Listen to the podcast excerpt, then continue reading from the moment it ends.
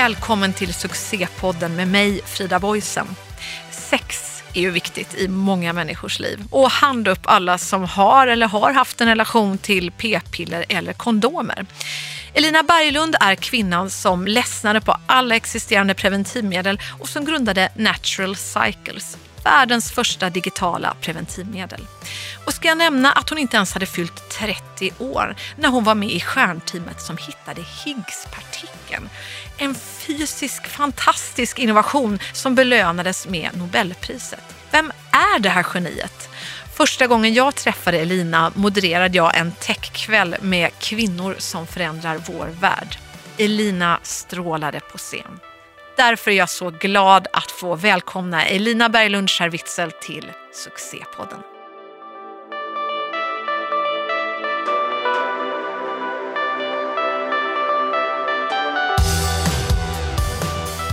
Varmt välkommen till succépodden Elina Berglund Scharwitzel som är en av de mest inspirerande, kloka, ja, alltså jag tycker nästan du är ett geni alltså. Shit. Tack, men, men nej, det är verkligen inte. Jo, alltså för er som lyssnar som möjligtvis inte känner till Elina sen förr, alltså låt mig bara nämna. Eh, du var alltså med och hittade Higgspartikeln kan man säga, som ledde ju till ett Nobelpris. Ja, Och hur gammal var du då? ja, hur gammal var jag? Var 2012 när vi hittade Higgspartikeln, så jag var väl 28. Hallå, hörde ni det där? 28 år och då är man med och hittar Higgspartikeln. Och sen idag så är du en av grundarna bakom Natural Cycles. Och det var ju tack vare dig som hela det här finns. Och det är alltså världens första digitala preventivmedel. Ja. Det är så coolt. Och om bara en, ja, alldeles strax så ska du flytta till USA eftersom ni har blivit eh, godkända som preventivmedel i USA. Är på söndag faktiskt, så På det är söndag? väldigt snart.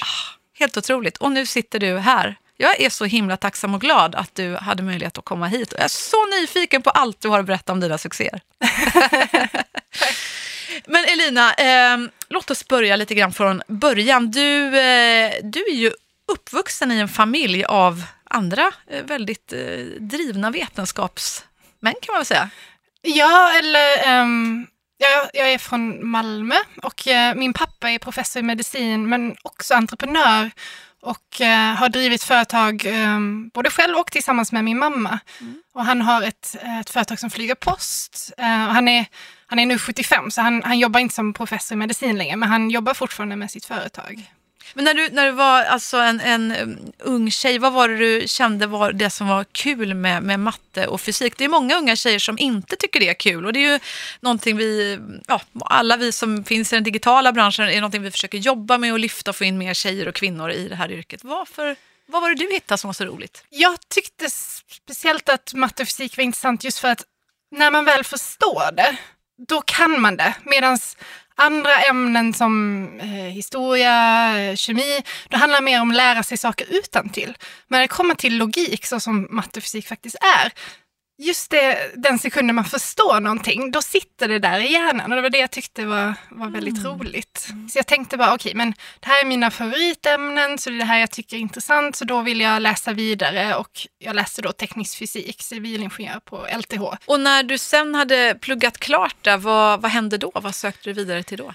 Det var ju nästa steg då som jag var lite så här eh, lost. Vad ska jag göra nu? Men då bestämde jag mig för att okej, men mitt favoritämne nu är partikelfysik, så då vill jag göra exjobb på CERN, för det var ja, på CERN. Nu, nu känner jag att nu börjar du nästan tappa mig här. Alltså jag, jag var duktig på, på fysik liksom på gymnasienivå, men ja, sen valde jag en annan bana i livet. Så CERN, vad är det för Ja, någonting? CERN är ett väldigt stort laboratorium utanför Genève i Schweiz. Det ligger på gränsen mellan Schweiz och Frankrike. Och det är en, ja, världens största partikelaccelerator där de kolliderar eh, protoner vid ljusets hastighet och ser vad som kommer ut. Och eh, det var också där vi sen hittade Higgspartikeln eh, ett antal år senare. Det var alltså din passion som tog dig dit. Det är ju väldigt intressant, tycker Ja, jag. nej, men det, det är jag ganska övertygad om att det var. ja. Vad är din passion idag förresten? Ja, det, nej, min passion idag är definitivt att driva Natural Cycles vidare och kvinnors hälsa generellt, att driva det framåt. Är, eh, så att jag har, jag har ju bytt passion faktiskt från fysiken till kvinnors hälsa. Men jag känner ungefär likadant för de här Mm. olika passionerna. Härligt. Ja, vi ska prata mycket om det här med, med kvinnors hälsa och natural cycles, för det är jag så himla nyfiken på. Men om vi bara tar igenom den, då, den här eh, Higgs-partikel och, och Nobelpristeamet, alltså det här är man ju väldigt nyfiken på. Och du, nu kanske det är någon som känner så här, men vänta, jag känner mig helt dum i huvudet nu och nu måste jag googla, så där, vad, vad är Higgs-partikeln? Och jag kan ju försöka förklara, men jag tänker att du är nog bäst ändå på att göra det. Så jag låter dig göra det. Det är svårt även för mig att förklara. Men, eh, så vi har något som kallas för eh, standardmodellen i partikelfysiken som, som beskriver de minsta beståndsdelarna i universum. Och de har en efter en hittats, så till exempel elektronen och fotonen som är ljus, de, det har ju hittats för ganska länge sedan. Mm. Och den sista pusselbiten var då Higgspartikeln som eh, efter toppkvarken hittades på 90-talet var den sista som inte hade hittats. Och Higgspartikeln ger massa till de andra partiklarna. Mm. Så när, när du ställer dig på vågen på månen så är det just eh, att de partiklarna inom dig växelverkar med Higgspartikeln som gör att du faktiskt väger någonting. Så det är någonting med själva massan, det är det som, eh, den magiska grejen som gör att det blir massa. Ja, den sätter ihop hela, Hela konkarongen. he, hela alltet. Ja. Ehm, Maffigt. Men du, hur var det då? Var det sådär att det var en dag som ni kände oops, there it is? Eller hur var det? ja, det var faktiskt det, vilket var ju det som var fantastiskt. Och berätta Ehm, om det, berätta om det ögonblicket och den dagen.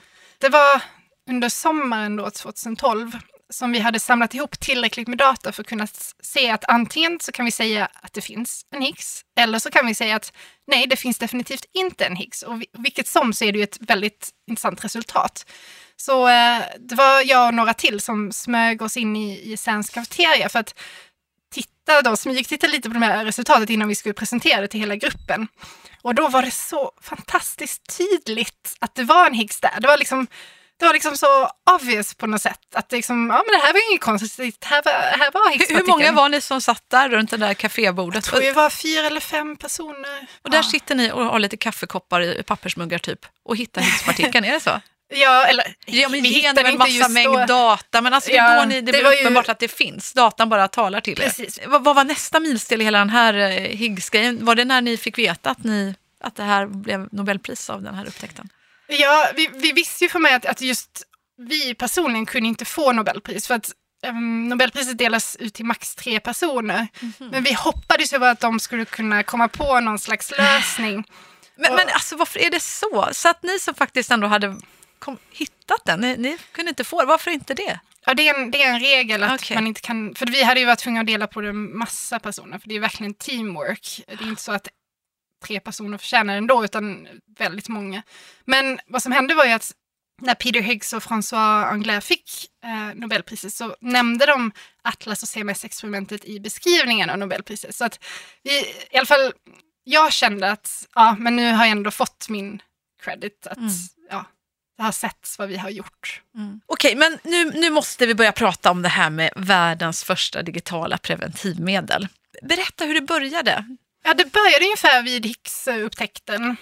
Känslan där som jag fick efter upptäckten, den, den höll sig ungefär tre veckor, så här, att jag svävade på som moln. Men sen efter tre veckor var jag lite så här, jaha, ska jag vänta 10-20 år till till nästa upptäckt? Acceleratorn skulle stänga ner i ett par år. Tråkigt att vänta Mm. på mer data. Det känns inte som din grej att sitta och vänta riktigt. Nej, Nej så, att, så det var lite ett beslut att okej, ska jag stanna nu i fysiken eller ska jag testa att göra någonting annat? Och det var också samma sommar som vi gifte oss, så det var en väldigt händelserik eh, sommar. Ja, vänta, och vi då, det är Jag och min man som är då medgrundare, så vi Ja. har grundat Natural Raoul heter han, eller hur? Han heter Raoul Och han är från, Österrike. precis. Och ni träffades i USA, var det så? Ja, Hur gick det till då? Det var när vi båda pluggade på universitetet så gjorde vi båda utbytesår i eh, Santa Barbara, eh, Kalifornien. Och vi träffades faktiskt i biblioteket, eh, extra nördigt. Han brukar säga att vi träffades eh, när vi surfade, men det är inte Ja, det är riktigt inte riktigt sant. Okej, här får ni sanningen. Ja, okej, det var i biblioteket. Hur, hur gick det till? Liksom, spanade ni in varandra över någon bok, eller hur? Ja, jag satt med en, eh, en kille jag kände som, eh, som också var där eh, och vi försökte göra någon läxa där. Det var första veckan på, på terminen. Och han läste en fysikkurs med min kompis. Så han eh, använde honom för att sätta sig vid vårt bord. Eh, Ah. För han tyckte då att jag såg lite spännande ut. eh, och sen, eh, alltså, det var en fantastisk eh, eftermiddag. Jag, det slutade med att jag inte hann göra min läxa och för första gången i mitt liv faktiskt skrev av honom istället. Oj! För att vi satt och pratade så mycket istället. Eh, Och, och, så var det, vad, vad var det ni pratade om då? Var det liksom att ni började prata partiklar och grejer eller vad var det Nej, ni nej. fastnade för? Eller var det annan sorts kemi för en gångs skull ja, det var inblandad då? annan sorts kemi. Jag kommer Ja. ihåg att jag lärde honom säga älskling, jag är hemma. Av någon anledning ville han lära sig hur man säger just det på Oh my svenska. god. Men var det att du där kände att eh, du misstänkte att det, här- det här kan rent av vara mannen i mitt liv? Eller? Jag kommer ihåg mycket tydligt att jag tänkte att ehm, den tjejen som får hans leende är en, en lyckligt lottad tjej. Men jag tänkte inte att det kunde vara jag, för att jag, jag hade faktiskt en, en pojkvän från Sverige som jag inte planerade att eh, göra slut med. Så att det tog ganska lång tid innan vi faktiskt blev ihop. Men eh, kemin var där från första början. Mm. Åh, spännande. Okej, och så ni blev ett par så småningom när, när eh, ja, alla stjärnor stod rätt och så vidare. och, och där var du, du var färdig med, med Higgs-projektet och, och, och vad var det som hände då som sagt? Du, du kände att du ville prova något nytt och du och Raoul, ni... Ja, det var, det var nog på vår smekmånad faktiskt. Ja just det, så ni Ehm, hade precis Så gift det var- er? Ja, så när vi gifte oss, så Higgs-upptäckten var i juli och vi gifte oss i augusti och sen, ja det, det var faktiskt också, då tog vi faktiskt också två veckors semester. Och gud vilken sommar ändå. Va? Ja. Hitta Higgspartikeln, eh, liksom sluta ner det där och så gifter du dig Ja, det också var typ väldigt bra samtidigt. timing. Ja. Hade det varit tvärtom hade det inte gått så bra. Det var vilket kapitel liksom i livet. Både Ja. två, ett som börjar och ett som... Ja. Så satt vi där på smekmånaden och funderade på om vi, om vi lämnar fysiken, för han är, han är också fysiker, inte på CERN men, men en annan slags fysiker. Vad ska vi göra då? Och Raoul han har alltid velat bli entreprenör, så jag var ganska van vid att lyssna på någon slags galen idé varje vecka som jag inte riktigt så här, ja, lyssnar kanske ett halvt öra på eh, vad, vad han föreslår nu. Men då så föreslog han att, för jag hade börjat eh, mäta min egen temperatur för att jag hade slutat med hormonella preventivmedel kanske fyra, fem månader innan vi gifte oss. Och varför hade du gjort det? Jag visste att, ehm, inte än, men om något år så ville jag att vi skulle skaffa barn. Och så tänkte jag, okej, men det kanske är bra att ge kroppen en chans att återgå till det normala först innan, innan jag blir gravid. Så att jag inte går från hormoner till fler Mm. hormoner. Jag tänkte också att ja, ge, ge kroppen en chans att bli normal och att också lära känna kroppen. För jag hade haft hormonella preventivmedel i typ tio år. Typ, vad är det? Är det p-piller alltså, eller p-stav? Nej, p-stav. Mm. Jag hade testat p-piller när jag var tonåring, men det, det förändrade mig helt, så det funkar inte alls för mig. Men Det, är ju faktiskt väldigt vanligt också. Ja, Jag vet, jag var hos en, en, ja det här vet ju du förstås mycket mer om, jag var själv hos en, en gynekolog när jag gick på studenthälsan i Göteborg någon gång. Och då var jag där för att få nya preventivmedel och så sa han så här, p-piller, och så sa han, jaha, och annars är allt är bra eller? Jag bara, mm, ja, han bara, mm, ingenting annat. Jag bara, ja, ingenting annat. han frågade typ tredje gång, så här, ja, så, så här, kanske möjligtvis att jag, jag, jag känner att jag har liksom riktigt samma lust. Och då sa han, ja, och då är du precis som alla andra jag har ställt den frågan till någonsin. mm. Och jag bara, men va? Så jag, men herregud, och jag var ju journalist redan då. Jag bara, men, men så här, vadå? För han var ju en gammal gubbe faktiskt och jobbat Ja. ett långt yrkesliv. Jag bara, men vadå, menar du det? Ja, så, jag, men varför, det här har inte jag läst någonting om. Mm. Men va- varför, varför är det ingen som har sagt något? Han bara, nej, för att det här är en väldigt konstig bransch. Och jag, jag bara, så här, kan jag få skriva en artikel i tidningen? Jag jobbar liksom på Göteborgs-Posten. Det här, det här är en jätteviktig story. Nej, men nej, jag vågar inte vara med sen, för det här, det här är en sån bransch med så himla mycket pengar och liksom man kan inte säga så här, man blir helt utfrusen sen. Det, det, det går inte. Ja, det börjar jag ju märka av nu. Ja, jag kan tänka mig det. Så att, eh, ja, men, eh, och jag tänker på allt elände. Alltså förstås mycket bra som p-piller har fört med sig i kvinnors frigörelse och så vidare. Men Mm. också mycket fruktansvärt genom tidernas lopp. Alltså blodproppar och Ja. kvinnor som har dött faktiskt av preventivmedel. Men tillbaka till dig. Du, du eh, hade känt att p-staven ja, det hade gjort sitt där. Du ville inte använda den riktigt längre. Nej. P-piller mådde du inget bra av. Nej, precis. Så då letar jag efter någonting att, att använda de här ett eller två åren emellan. Mm. Och samtidigt, eftersom jag är forskare så har jag också väldigt stort intresse av hur saker och ting fungerar. Då hittade jag en sån här gammal p-dator som var i princip en, en termometer och två knappar. Och började mäta min temperatur och tänkte, ja men jag hade ingen aning att man kan se på temperatur när man har ägglossning och, och därför när man är fertil. Det var helt nytt för mig. Men då Också- upptäckte du det alltså? Ja, alltså det var egentligen bara att googla det, men jag tänkte att det här borde man ju lärt sig i skolan. Ja, verkligen. Um, så jag, ja, ganska snabbt så insåg jag att den här manicken inte riktigt uh, fungerade så bra, så jag började liksom analysera min egen temperatur och använda den bara som en termometer. Och började då successivt skriva en början då på en algoritm för att använda själv som preventivmedel. Så då när vi... det är ju ganska coolt ändå. Att ja. du liksom själv tänker, ah, vänta, men det här får jag fixa en algoritm för, för uppenbarligen så har jag liksom, ja, gradavvikelser när jag, jag har ägglossning och inte. Ja, det var, det var också väldigt fantastiskt att upptäcka det här och, och, lära sig hur kroppen fungerar. Vilket är också någonting som våra användare faktiskt uppskattar nu, att de får ju också lära sig hur sina kroppar fungerar genom att mm. använda natural cycles. Så att då när vi satt där på smekmånaden och diskuterade vad, vad ska vi göra nu?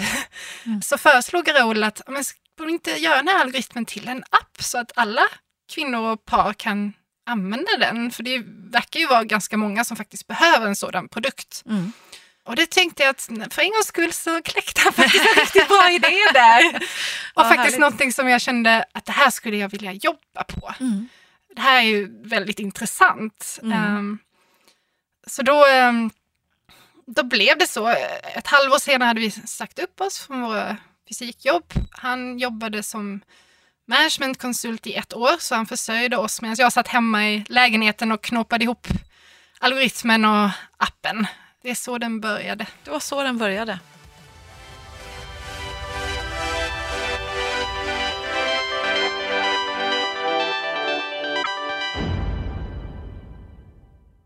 Och sen har det gått lite tid. Det tog väl ja. några år, eller hur? Ja. Mycket arbete förstås. Jag antar att ni behövde en hel del kapital för att kunna utveckla det här och kunna finansiera bara att du får förfina de här algoritmerna och förstås ha massa, massa mer data än mm. bara vad du hade i början då dig själv. Utan kvinnor är ju magiska. Alltså alla, ja, vi har väl alla olika. olika. Ja, men precis. Vissa har ju tre veckors cykel, vissa har fyra. Och Olika dagar och hitan och ritan, hur många det är och hur kort. Och, ja. Väldigt olika. Väldigt olika.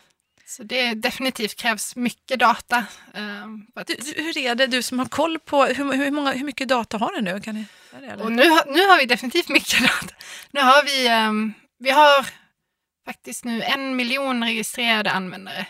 Det, det, är inte alla som, som vi har mycket data på, men totalt sett så har vi faktiskt väldigt många cykler nu. Uh, så nu har vi massa data, vilket är jättespännande. men hur är det, måste ställa några såna kontrollfrågor. Ibland brukar man ju säga att kvinnor som jobbar väldigt tätt tillsammans får likadan eh, menscykel och rytm. Och så Stämmer det eller är det en, en myt? Ja, det, jag skulle vilja säga att det är en myt. Ja. Eh, det finns ganska mycket så här myter om kvinnors kroppar, så här, ja. månen och så också. Jag ja, hur är det med månen? Har det något nej, med våra menscyklar att göra? Det bullshit det, också. Det, det, har vi faktiskt kollat i vår data. Det, det är faktiskt bullshit.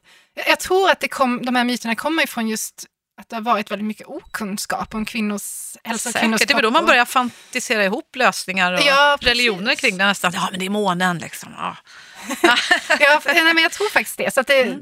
det är också roligt att jobba inom ett ämne som är under, alltså inte har forskats på tillräckligt. Så ja, verkligen. Det är mycket vi kan göra. Hur tror du det kommer sig att det inte har forskats så mycket på, på en sån viktig sak som detta? Alltså eh, kvinnors eh, ja, reproduktionscykel och så vidare. Varför har vi inte forskat på det tidigare på samma sätt? Jag tror tyvärr att det är så att på grund av att det mest har varit män som har suttit högst upp och bestämt var pengar ska gå, både när det kommer till investering i industri och i forskningsvärlden, så, så blir det kanske inte ett medvetet val, men ett omedvetet val att man sätter pengar till sånt som man ser själv är ett stort problem. Så att jag tror bara genom att ha mer kvinnor på toppen som bestämmer vad pengar ska gå så kommer mer pengar gå åt att lösa också kvinnors problem. Mm. Hur ser det ut idag, skulle du säga, i din värld? Finns det, hur ser jämställdheten ut i toppen för att fatta sådana här viktiga beslut? Ja, vi, vi träffar ju ganska mycket riskkapitalister som, som allokerar ganska mycket mm. pengar och där, där är det fortfarande främst män skulle jag säga. Däremot så har vi ju lyckats ta in ganska mycket pengar så att vi har ju fått dem att förstå att det här är ett viktigt ämne och eh, har mm. stor potential. Men samtidigt så träffar man ju ibland också eh, investerare som säger eh, att ja, men det här kan jag absolut ingenting om. Så att för mig att investera så krävs det att jag först läser på om allt det här. Och det, då blir det ju ett tillsteg om att man kommer med en lösning för någonting som män har problem med, som prostatacancer mm. eller någonting. Mm. som de kan identifiera sig Mm. vid. Jaha, men berätta nu vart ni är idag med Natural Cycles. Det är, det är, var, var i världen är det här ett godkänt eh, preventivmedel? Så det är, um, sen början på 2017 så är det ett certifierat preventivmedel i Europa, så EU plus England, och Schweiz och Norge. Um, och sedan bara några veckor så är det ett godkänt preventivmedel också i USA med, med hjälp av FDA. Så det är, eh, det är faktiskt ett enormt steg för att det är 16 år sedan FDA godkände den senaste medicintekniska produkten eh, som ämnat för Oj. preventivmedel. Shit. Så det, det är ett väldigt stort steg skulle jag vilja säga. Hur kändes det den där dagen när ni blev godkända av FDA? Hur fick du mm, beskedet? Ja, det har ju varit en väldigt intensiv sommar. Ehm, um, FDA har då, vi har jobbat med FDA i, vad kan det varit, snart ett och ett halvt år med det här. Som de, de, eh, de gräver väldigt djupt i all vår data och all vår analys och verkligen vrider och vänder på varenda sten, vilket jag tycker är fantastiskt faktiskt. Att de tycker FDA har gjort ett fantastiskt jobb och verkligen ställt intelligenta frågor. Eh, och sen en sak de också testar är att man faktiskt är med och kan svara på saker eh, ganska snabbt. Så att nu under sommaren så har vi haft ganska många så här 24 timmars deadlines. Så FDA som då i USA klockan 11 på kvällen kommer med ett mejl, visa oss data för det här och det här och det här. Och du har 24 timmar på dig. Så då, Oj, det gäller att man har råkoll på sin mail helt enkelt. Ja, verkligen. Och också kan göra snabb dataanalys och liksom få ihop eh, svaren på allt det de, de frågar. Så under sommaren har det varit väldigt många så här 24 timmars deadline och ibland har vi fått så en veckas deadline om det var lite mer djupare analys. Så att eh, det här svenska sommaren att alla försvinner under juli, det har inte riktigt funkat för oss. Ehm, Så det är tillbaka på Higgs-nivå nästan, att man bara sitter och plöjer och jobbar, jobbar, jobbar. Liksom. ja, d- den här sommaren har definitivt eh, varit så. Men, men hur fick du beskedet? Att nu ni Så clearade? ehm, till slut så, så den här frågan då eskalerade längre och längre, eh, högre och högre upp inom FDA. Till slut var det bara så här själva directorn kvar. Och då sa de att när han väl godkänner, då eh, släpper vi en pressrelease typ samma sekund som, som, eh, som, som vi är godkända. Så vi fick egentligen reda på att det verkligen var godkänt genom FDAs pressrelease. Eh, och det, det frågar vi, kan, men kan ni inte vänta lite med pressreleasen så att vi liksom kan eh, få en chans att släppa en ny version av appen där det står FDA cleared och ja. de bara nej, så här är det. Så att det, det kommer hända med, inom 24 till 48 timmar ungefär. Så då hade vi i alla fall igen då 24 till 48 timmar på oss att, att förbereda lite grann. Så vi Okej. lyckas faktiskt släppa ny webb och app eh, samtidigt som, som de släppte sin pressrelease. Men när fattade du att de kommer att säga ja? Liksom? Och hur kändes det i kroppen då? Ja, det var... Eh, det, det, kom, det kom ju smygande ju längre upp den här frågan kommer. Men man vågar ju inte riktigt tro på det förrän det faktiskt är Mm. När pressreleasen är ute. Så att då, eh, när de väl släppte det var ju en otroligt fantastisk känsla. Det var, det var nästan Higgspartikelkänsla faktiskt. Och, eh, det var nästan så du svävade igen på, på moln. Och liksom. Ja. Var det nästan tårar? Och... Ja, tårar. Ja, nej, det... Vad gjorde du då? Liksom, skrek du rätt ut? Eller? Jag gick, gick, jag gick och kramade, jag var på kontoret, så jag gick och kramade alla på Ja. kontoret. Och, sen, och vi drack faktiskt eh, champagne på kontoret ungefär fyra timmar innan det hände. För att vi kände att nej, men det kommer nog komma, kunna hända. Ja. Så det är champagne och kramar på kon- kontoret helt enkelt. Ja. Och delade med teamet. Gud vad härligt. Och sen så måste jag ju också förstås fråga, det, det dök också upp en del kritik mot Natural Cycles för mm, ja, ett tag sedan helt enkelt. Det, det dök upp eh, diverse anmälningar om att folk hade blivit, kvinnor hade blivit gravida ändå fastän man hade använt Natural Cycles.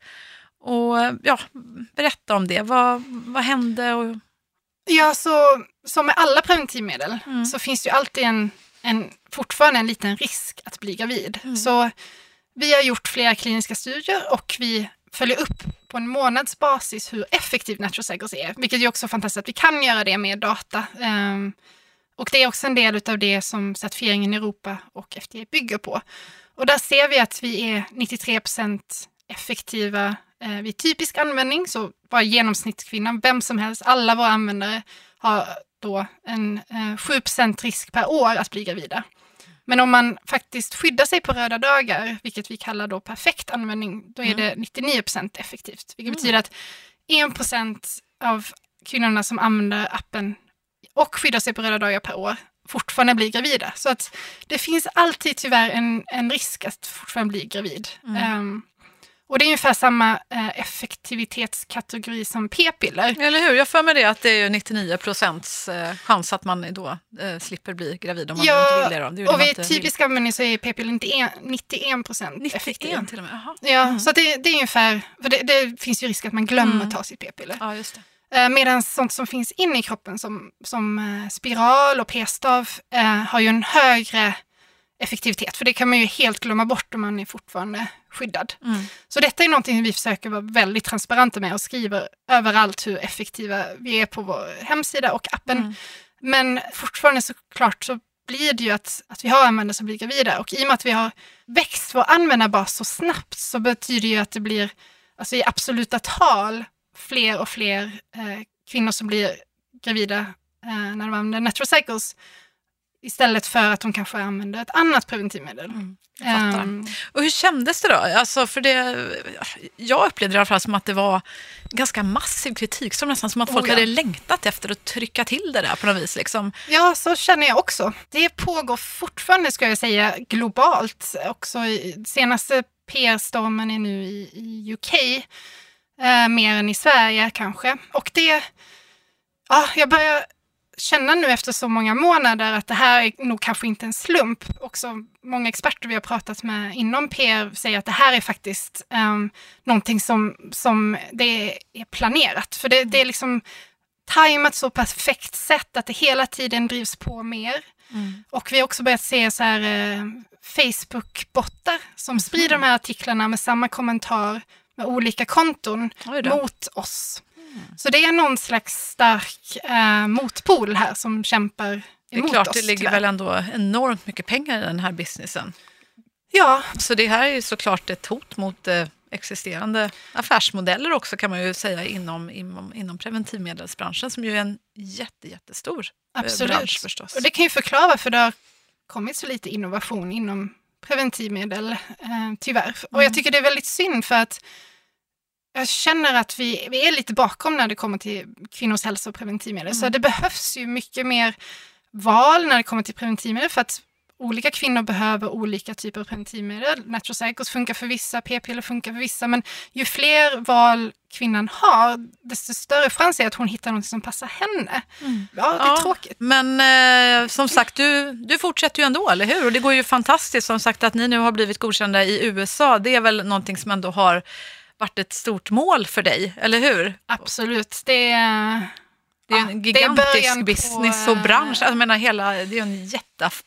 Vad heter det? Marknad helt enkelt. ja, och det är också därför vi, vi flyttar dit, för USA är ju en jätteviktig marknad för oss och en marknad som vi inte vill hamna i den situation vi hamnat i Sverige. Så att Mm. vi vill jobba mer med eh, gynekologer och barnmorskor där så att de är beredda på att nu kommer det komma fler natural cycles-användare eller kvinnor som frågar efter natural cycles. Så att, här Så att de vet vad det är och kan informera Ja, och känner precis. sig trygga med vad det är för någonting. Så det är Ja. kanske ett, ett misstag vi har gjort lite i Sverige, att vi har fokuserat mer på kvinnorna men, men eh, vi har varit lite för långsamma med att informera vården om vad natural cycles är. Så det vill vi göra bättre. Det är väl gången. klokt och det är väl någonting som jag tror eh, alla branscher och säkert alla människor känner igen sig i att det händer så mycket med digital utveckling idag som förändrar hela vår värld och underlättar vår värld så himla mycket men, men att man eh, ibland kan känna sig att man inte riktigt hänger med. Det kan ju handla om vad som helst, att man får en, något nytt program man ska jobba i på sin arbetsplats och, och vissa får bara panik och känner att "Ja, men jag, pff, gud, jag fattar inte det här liksom, och att man blir kanske då ibland rädd. För man är ju ofta rädd för det man inte känner till helt enkelt. Ja, absolut. Det är jätteförståeligt. Mm. Det är också en innovativ och ny produkt, så det är klart att det är läskigt också Mm. att, eh, om man inte har fått tillräckligt med information om den. Ja, nej, men det låter väl klokt att, att involvera och utbilda alla, alla eh, gynekologer och så vidare. Vad, vad tänker du mer då? Nu, nu rullar ju Natural Cycles på. Känner du att, eh, börjar känna sådär Higgs-varning att äh, nu, I've got this. Nu, nu har jag ju ändå gett världen det digitala preventivmedlet. Eh, eh, ja, nu kanske jag ska hitta på något nytt som revolutionerar världen. Nu har du ändå hunnit med två grejer och du är, som faktiskt har förändrat vår värld och nu är du 34 år. Ja, men nej, men eh, med Natural Cycles känner jag snarare typ att ju längre jag kommer, desto mer ser jag att jag måste göra. Så det är snarare typ att jag känner att det är mer att jag måste göra nu än vad jag kände för kanske tre, fyra år sedan. Och eh, vi vill ju göra, mm, inte bara preventivmedel, men vi gör en massa inom kvinnors hälsa generellt. Så att, eh, Berätta, vad vill du göra då? Så vi har anställt nu ett team faktiskt av partikelfysiker i Genève att jobba med just datan och se vad kan vi mer göra förutom preventivmedel. Vi har ju redan idag produkt eh, att man kan använda appen för att bli gravid och också följa sin graviditet. Men vi vill förbättra det och se vad, vad mer kan vi se inom just fertilitet? Vad är tidiga tecken på att du kanske behöver hjälp att bli gravid om, om det är det du vill mm. bli. Mm. Eller att behålla din graviditet. Och det är också ett växande problem att vi inte är så fertila längre. Right? Ja, precis. Ja, att fertiliteten sjunker överhuvudtaget. Ja. Har du sett på, gud nu står det still i huvudet, vad heter den här fantastiska serien som vi väl alla har sett? Du som ska bo i USA nu och åka till Trumpland och allt.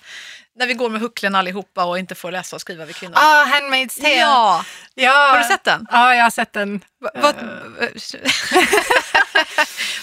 den, för om det finns någon där ute som inte har sett Handmaid's Tale kan vi säga att vi rekommenderar den väl? Du också? Ja, alltså den är ju Har du sett både första och andra? Ja, jag tyckte andra säsongen var bättre faktiskt. Ja, alltså den är fruktansvärt läskig. Den, är, den är jobbig att kolla på. Fruktansvärd. Den beskriver just ett framtidsscenario där eh, kvinnor, i, det handlar ju om USA då, eh, inte, väldigt, väldigt få kan få barn. Alltså det, det finns nästan ingen som kan mm. bli, bli, bli, med barn längre, alla är infertila och de få som är fertila då blir som eh, liksom någon slags slavar då hos, ja. hos eh, eliten i samhället där de då får ingå i några akter mellan de här uh, upphöjda paren som då ska få, ja, så får de liksom bara avla fram barn. Så man är bara som en mm. Kossa så får man lämna ifrån sig barnet till den här familjen och sen får man åka vidare till nästa par som behöver bli gravida. Mm. Och generellt har ju kvinnor inga rättigheter i den här serien. Nej, nej, nej. nej. Och får inte läsa, får inte, nej, får inte säga, man får inte ha något, någon makt, ingenting. Mm. Vad tänker du om den här serien? Är, är det ett framtidsscenario som skulle kunna bli verklighet tror du? Ja, tyvärr så känner jag att, alltså jag tror inte att det kommer att bli verklighet, men jag känner att det inte är helt omöjligt faktiskt. Tyvärr. Uh, man ser ju nu att det finns ju mot poler i samhället. Vissa vill liksom att vi fortsätter framåt och vissa vill att vi går bakåt. Och jag känner att eh, det, det, skulle, det är inte helt omöjligt att det kan hända nu som, ja till exempel um, Ja. Nej, men jag tror ja, men säg vad du tänker. Berätta nu, vad tänker du? Vad, vad, tänker du på? Tänker du på eh, valet i Sverige eller vad tänker du på? Jag tänker både på Trump och valet i Sverige. Så ser jag också att till exempel en, jag tror, tycker väldigt intressant liten del i eh, Handmaid's Tale-serien mm. är att egentligen är det männen som är infertila. Men mm, de vägrar erkänna det och det blir, bördan blir på kvinnan. Ja. Det blir ett kvinnoproblem och det ser jag att vi är ju fortfarande lite där när det kommer till preventivmedel, att det är ett kvinnoproblem. Mm, mm. Det hade ju kunnat finnas preventivmedel för män, men eh, läkemedelsbolagen inser att män inte skulle vilja ta biverkningar som vi tar som för p-piller. Så liknande biverkningar för män skulle leda till att män aldrig skulle ta de här p-pillerna. Och därför finns det inte. Så att det Alltså klart att det är mycket mer extremt i den här serien men att det finns lite liknande. Mm. Men vad tror du då om kvinnors eh, och mäns då kanske fertilitet framöver? Du som har råkoll på en miljon människors data. Kommer den att sjunka? Är det så att vi stoppar i oss, vad vet jag, massa, att vi äter massa preparat i vår mat, att alla, alla fiskar och kycklingar och allt vad vi nu äter är, är fyllda med massa konstiga grejer som gör att vi blir mer och mer infertila? Är det så? Ja, man, man ser ju att eh, de senaste vad kan det vara, 50 åren så har eh, spermierna i västvärlden eh, blivit betydligt mindre fertila. Så fertiliteten hos spermierna går ner i västvärlden markant. Medan männen i, i utvecklingsländer fortfarande ungefär samma eh, sperm count. Okej, okay, och berätta då, um, varför, eh, vad är din teori kring att mäns, eh, väst, västmäns spermier, eh, alltså det är själva spermier, antalet spermier som blir färre? Jag, jag kommer inte ihåg om det är bara antalet eller om det också är mobiliteten. Jag vet, okay. Det finns en dansk studie på det. Okay. Uh, men, men vad tror du det beror på då, att just ja, västmännen jämfört med utvecklingsländerna? Är... Jag vet inte, jag tror inte någon vet. De, de försöker ju ta reda på det, mm. uh, varför. Um, så jag, jag, kan ju inte riktigt Men du som har koll på kvinnor mer då, liksom, vad, vad, ser, du, ser du någonting hos kvinnor att fertiliteten sjunker där också?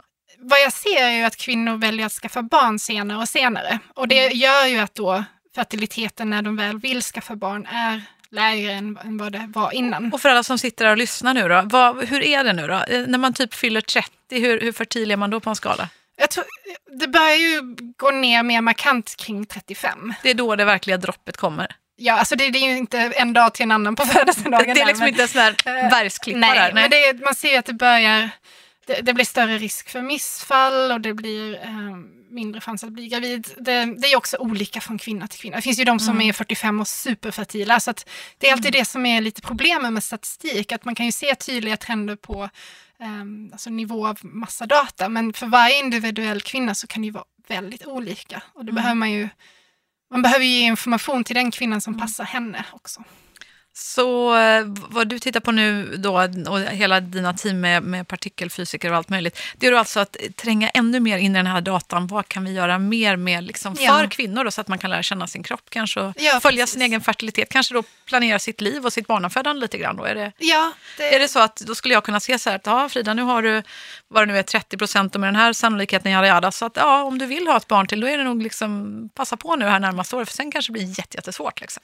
Ja, någonting, någonting, åt sånt. det hållet. Också Ja. kanske inte bara fertilitet och, och preventivmedel, men kanske också eh, olika kvinnliga åkommor som, som hypotyreos som också påverkar fertiliteten. Och, eh, Och det är det, det är sköldkörteln, om man har nedsatt sköldkörtelinfektion. Vi Mm. kan se vissa av våra användare har då ganska låg och varierande temperatur och Mhm. då ökar också risken för missfall och ehm, det kan bli svårare att bli gravid.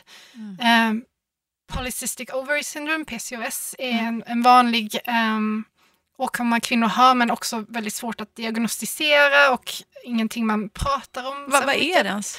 Ehm, så det, det betyder att man, man egentligen har väldigt mycket ägg. Så på ett sätt är det positivt. Till exempel om man vill göra konstgjord eh, befruktning, IVF, då, då är de här kvinnorna de bästa. Ja. Men ehm, det gör att man har ganska oregelbunden psyke och det kan göra att, att man har svårt att bli med barn på naturlig väg. Men egentligen inget fel på de här kvinnorna alls, utan det på något sätt är det en superkraft. Mm. Men man måste förstå sig på vad det är och hur man ska hantera det. Vad ger dig det här eh, drivet och, och kanske också stödet i, i eh, situationer när det är motigt, när du liksom upplever motgångar och du känner så här, nej gud nu är det någon som kommer här och vill sabotera eller du upptäcker att det är några bottar som till och med Mm. attackerar ert företag och din innovation. Vad, vad gör du då för att liksom orka vidare? Var hittar du kraften?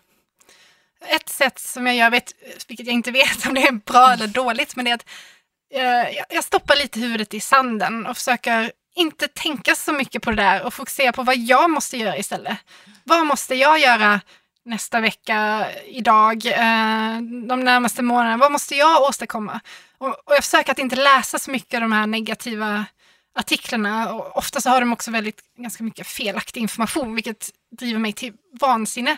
Vi, måste, vi har idag ett helt team som varje dag når ut till eh, journalister som har skrivit felaktig information om oss. Och det, det sprids ju på något sätt, men vi försöker eh, ja, ändra det, men då är det ofta också för sent. Men jag, jag försöker liksom att Skärma av skärma av och, och fokusera på vart du ska någonstans framåt. Precis. Mm. Lita på att jag har ett team som läser de här artiklarna och sköter det. Jag behöver inte läsa dem. Hur går det liksom rent eh, praktiskt då? Det här är, nu, nu tänker du att nu är det här typisk eh, kvinnofråga som jag bara får för jag är kvinna, men, men det är det inte. Jag hade sagt det om du hade varit man också, men jag tänker både du och din man jobbar ju med det här företaget stenhårt nu. Och ni har en, en fyraårig dotter och så vidare. Hur, hur får ni ihop det? Jag är själv en person som jobbar jätte- jättemycket och det gör min man också. Så jag vet att det kan vara utmaningar, liksom, men eh, fasen, det finns ju många möjligheter också. Man kan lösa det på olika sätt. Vad har ni hittat för kreativa lösningar? Jag, dels så jobbar jag inte lika mycket nu som jag gjorde i partikelfysiken. Vi, på helgerna så jobbar vi bara på söndag kväll efter att Alba gått och lagt sig och så resten av helgen spenderar vi med henne. Eh, vilket jag tror är bra för oss också. Mm. Men på vardagen jobbar vi ganska hårt. Eh, tre dagar i veckan har vi hjälp med att hämta Alba p- från förskolan eh, och så kommer vi hem senare. Och så en dag i veckan hämtar jag, en dag i veckan hämtar Raoul. Och det, det funkar väldigt bra för oss. Och Alba är världens gladaste, smartaste, godaste tjej så det verkar funka för henne också. Hur, eh, hur tycker du eh, att andra ser på det? Jag kan, jag kan minnas själv, eh, jag kommer ihåg när vår dotter var liten och gick på förskolan och vi var ofta de som hämtade senast. Det var vi som hämtade sist kan jag säga, eh, de allra flesta dagarna. Och då kommer jag ihåg första föräldramötet med, med en pedagog där och så sa hon, Jag vill bara att ni ska veta att er dotter är så trygg och, och så älskad. Liksom. Och jag vet ju att ni är en av de som hälsar, hämtar senast, men ni ska bara veta att hon är en så trygg och fantastisk tjej. Och jag kommer ihåg att jag bara började stört gråta för att mm. jag hade, tror jag ändå, lite dåligt samvete för att man ändå hade liksom sett lite blickar från de andra mammorna. Vet, och ah, att jag kände att, att jag liksom inte var tillräckligt bra som inte hämtade lika tidigt som alla de andra. Hur de nu hade tid att komma och hämta jättetidigt alla dagar, jag fattar inte. Liksom. Mm. Hur känner du? Är det, är det accepterat idag att ha hjälp liksom att ha med barnhämtning och så vidare i Sverige? Börjar det hända någonting eller hur, hur är klimatet? Ja, nej, där är jag också faktiskt lite förvånad att vi är så ojämställda faktiskt fortfarande i Sverige idag. Att den här dåligt samvete, det är på något sätt när barnet kommer ut så kommer det ut ett, så stoppas det in ett dåligt samvete ja. samtidigt. Men bara hos mamman. Mm. Och det, det är någonting som, som faktiskt gör det lite svårt för mig i vår relation, även om vi har en fantastisk relation annars, att jag ser att Raoul har aldrig dåligt samvete för det här. Mm. Och jag har dåligt samvete nästan hela tiden. Oh. Jag tycker att, kan vi inte dela på det här dåligt samvetet också? ja, kan inte faktiskt. han ta hälften av mitt dåliga samvete? Men så funkar det ju såklart Nej, inte. Det är svårt. Eh, ja. Uh, och det är fortfarande så här typ att, åh, om, om en kille är pappaledig så bara wow, han är pappaledig. Men om mamman inte tar typ ett års mammaledighet, då, då får hon mycket negativitet. Mm. Och det tycker jag är någonting som så där vi kvinnor själva sätter käppar hjulet för oss själva för att faktiskt uppnå mer jämställt samhälle. Så det, mm. det är lite synd. Vad skulle du önska då? Vad tror du för att vi ska komma framåt med jämställdheten i samhället? Vad, vad tycker du att alla, alla där ute, vad, vad kan vi göra för att själva bidra till att förändra så att det händer någonting istället för att bara sitta och vänta på att någon annan ska lösa det? Ja, när det kommer till just äh, mammor och barn så att om vi bara helt enkelt kan stötta varandra istället för att hacka på varandra och hjälpa till istället. Alltså, särskilt nu med sociala medier och så, så är det väldigt lätt att så här, sprida en så här, vass negativ kommentar. Det är ju så himla onödigt. Mm. Absolut. Nej, men, eh, så mer, mer pepp åt alla, det, det håller jag helt med om. Jag jobbar också med ett program som heter Lyxfällan och jag måste fråga dig, alltså, har, ni, har ni fått in några stålar nu? Liksom, hur, tjänar du mycket pengar på det här? Nej, det kan jag inte säga att, uh, att vi gör hittills. Vi, vi är fortfarande inte ett, ett lönsamt företag, så vi, vi uh, är fortfarande beroende av, av externa uh, investeringar. så, um, så hittills har vi inte tjänat några pengar, förutom såklart att vi har en, en lön som, mm. vi, som vi lever på. När tänker du att ni ska gå med svarta siffror och vara lönsamma? Ja, förhoppningsvis um, relativt snart, alltså inom några år. Däremot så är det ju alltid en trade-off. Alltså vi har ju tagit in pengar också av en anledning. Vi vill ju växa. Vi vill ju investera i att, att utveckla produkten mm. framåt inom kvinnors hälsa. Och man hade ju kunnat välja att ta en annan väg där man kanske hade varit mycket mindre och, och gjort mindre men haft svarta siffror tidigare.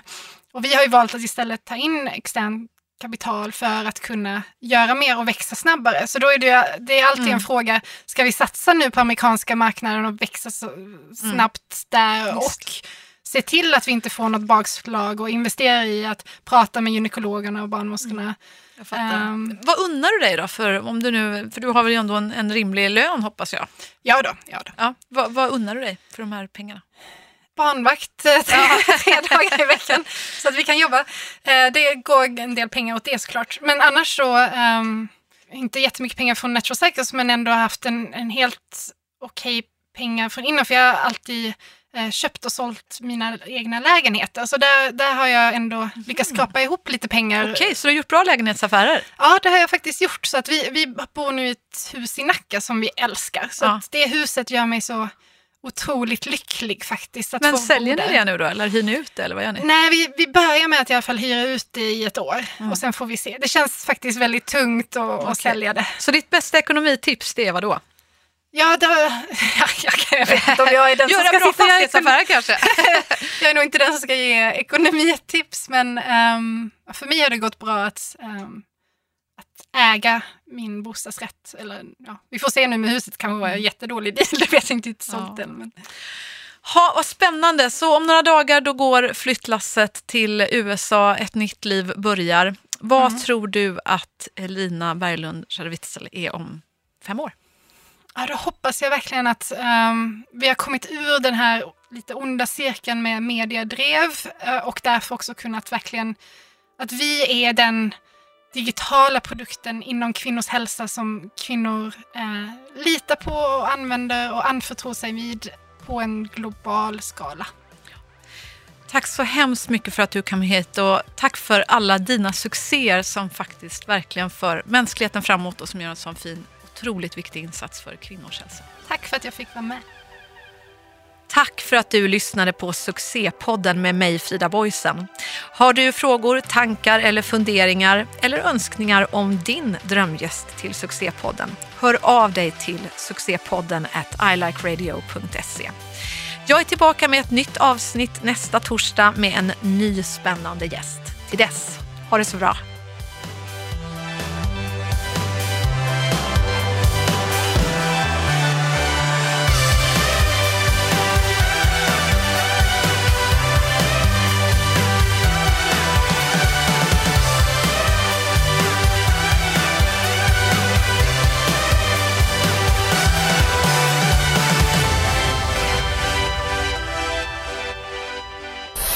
Produceras av I Like Radio. I like radio.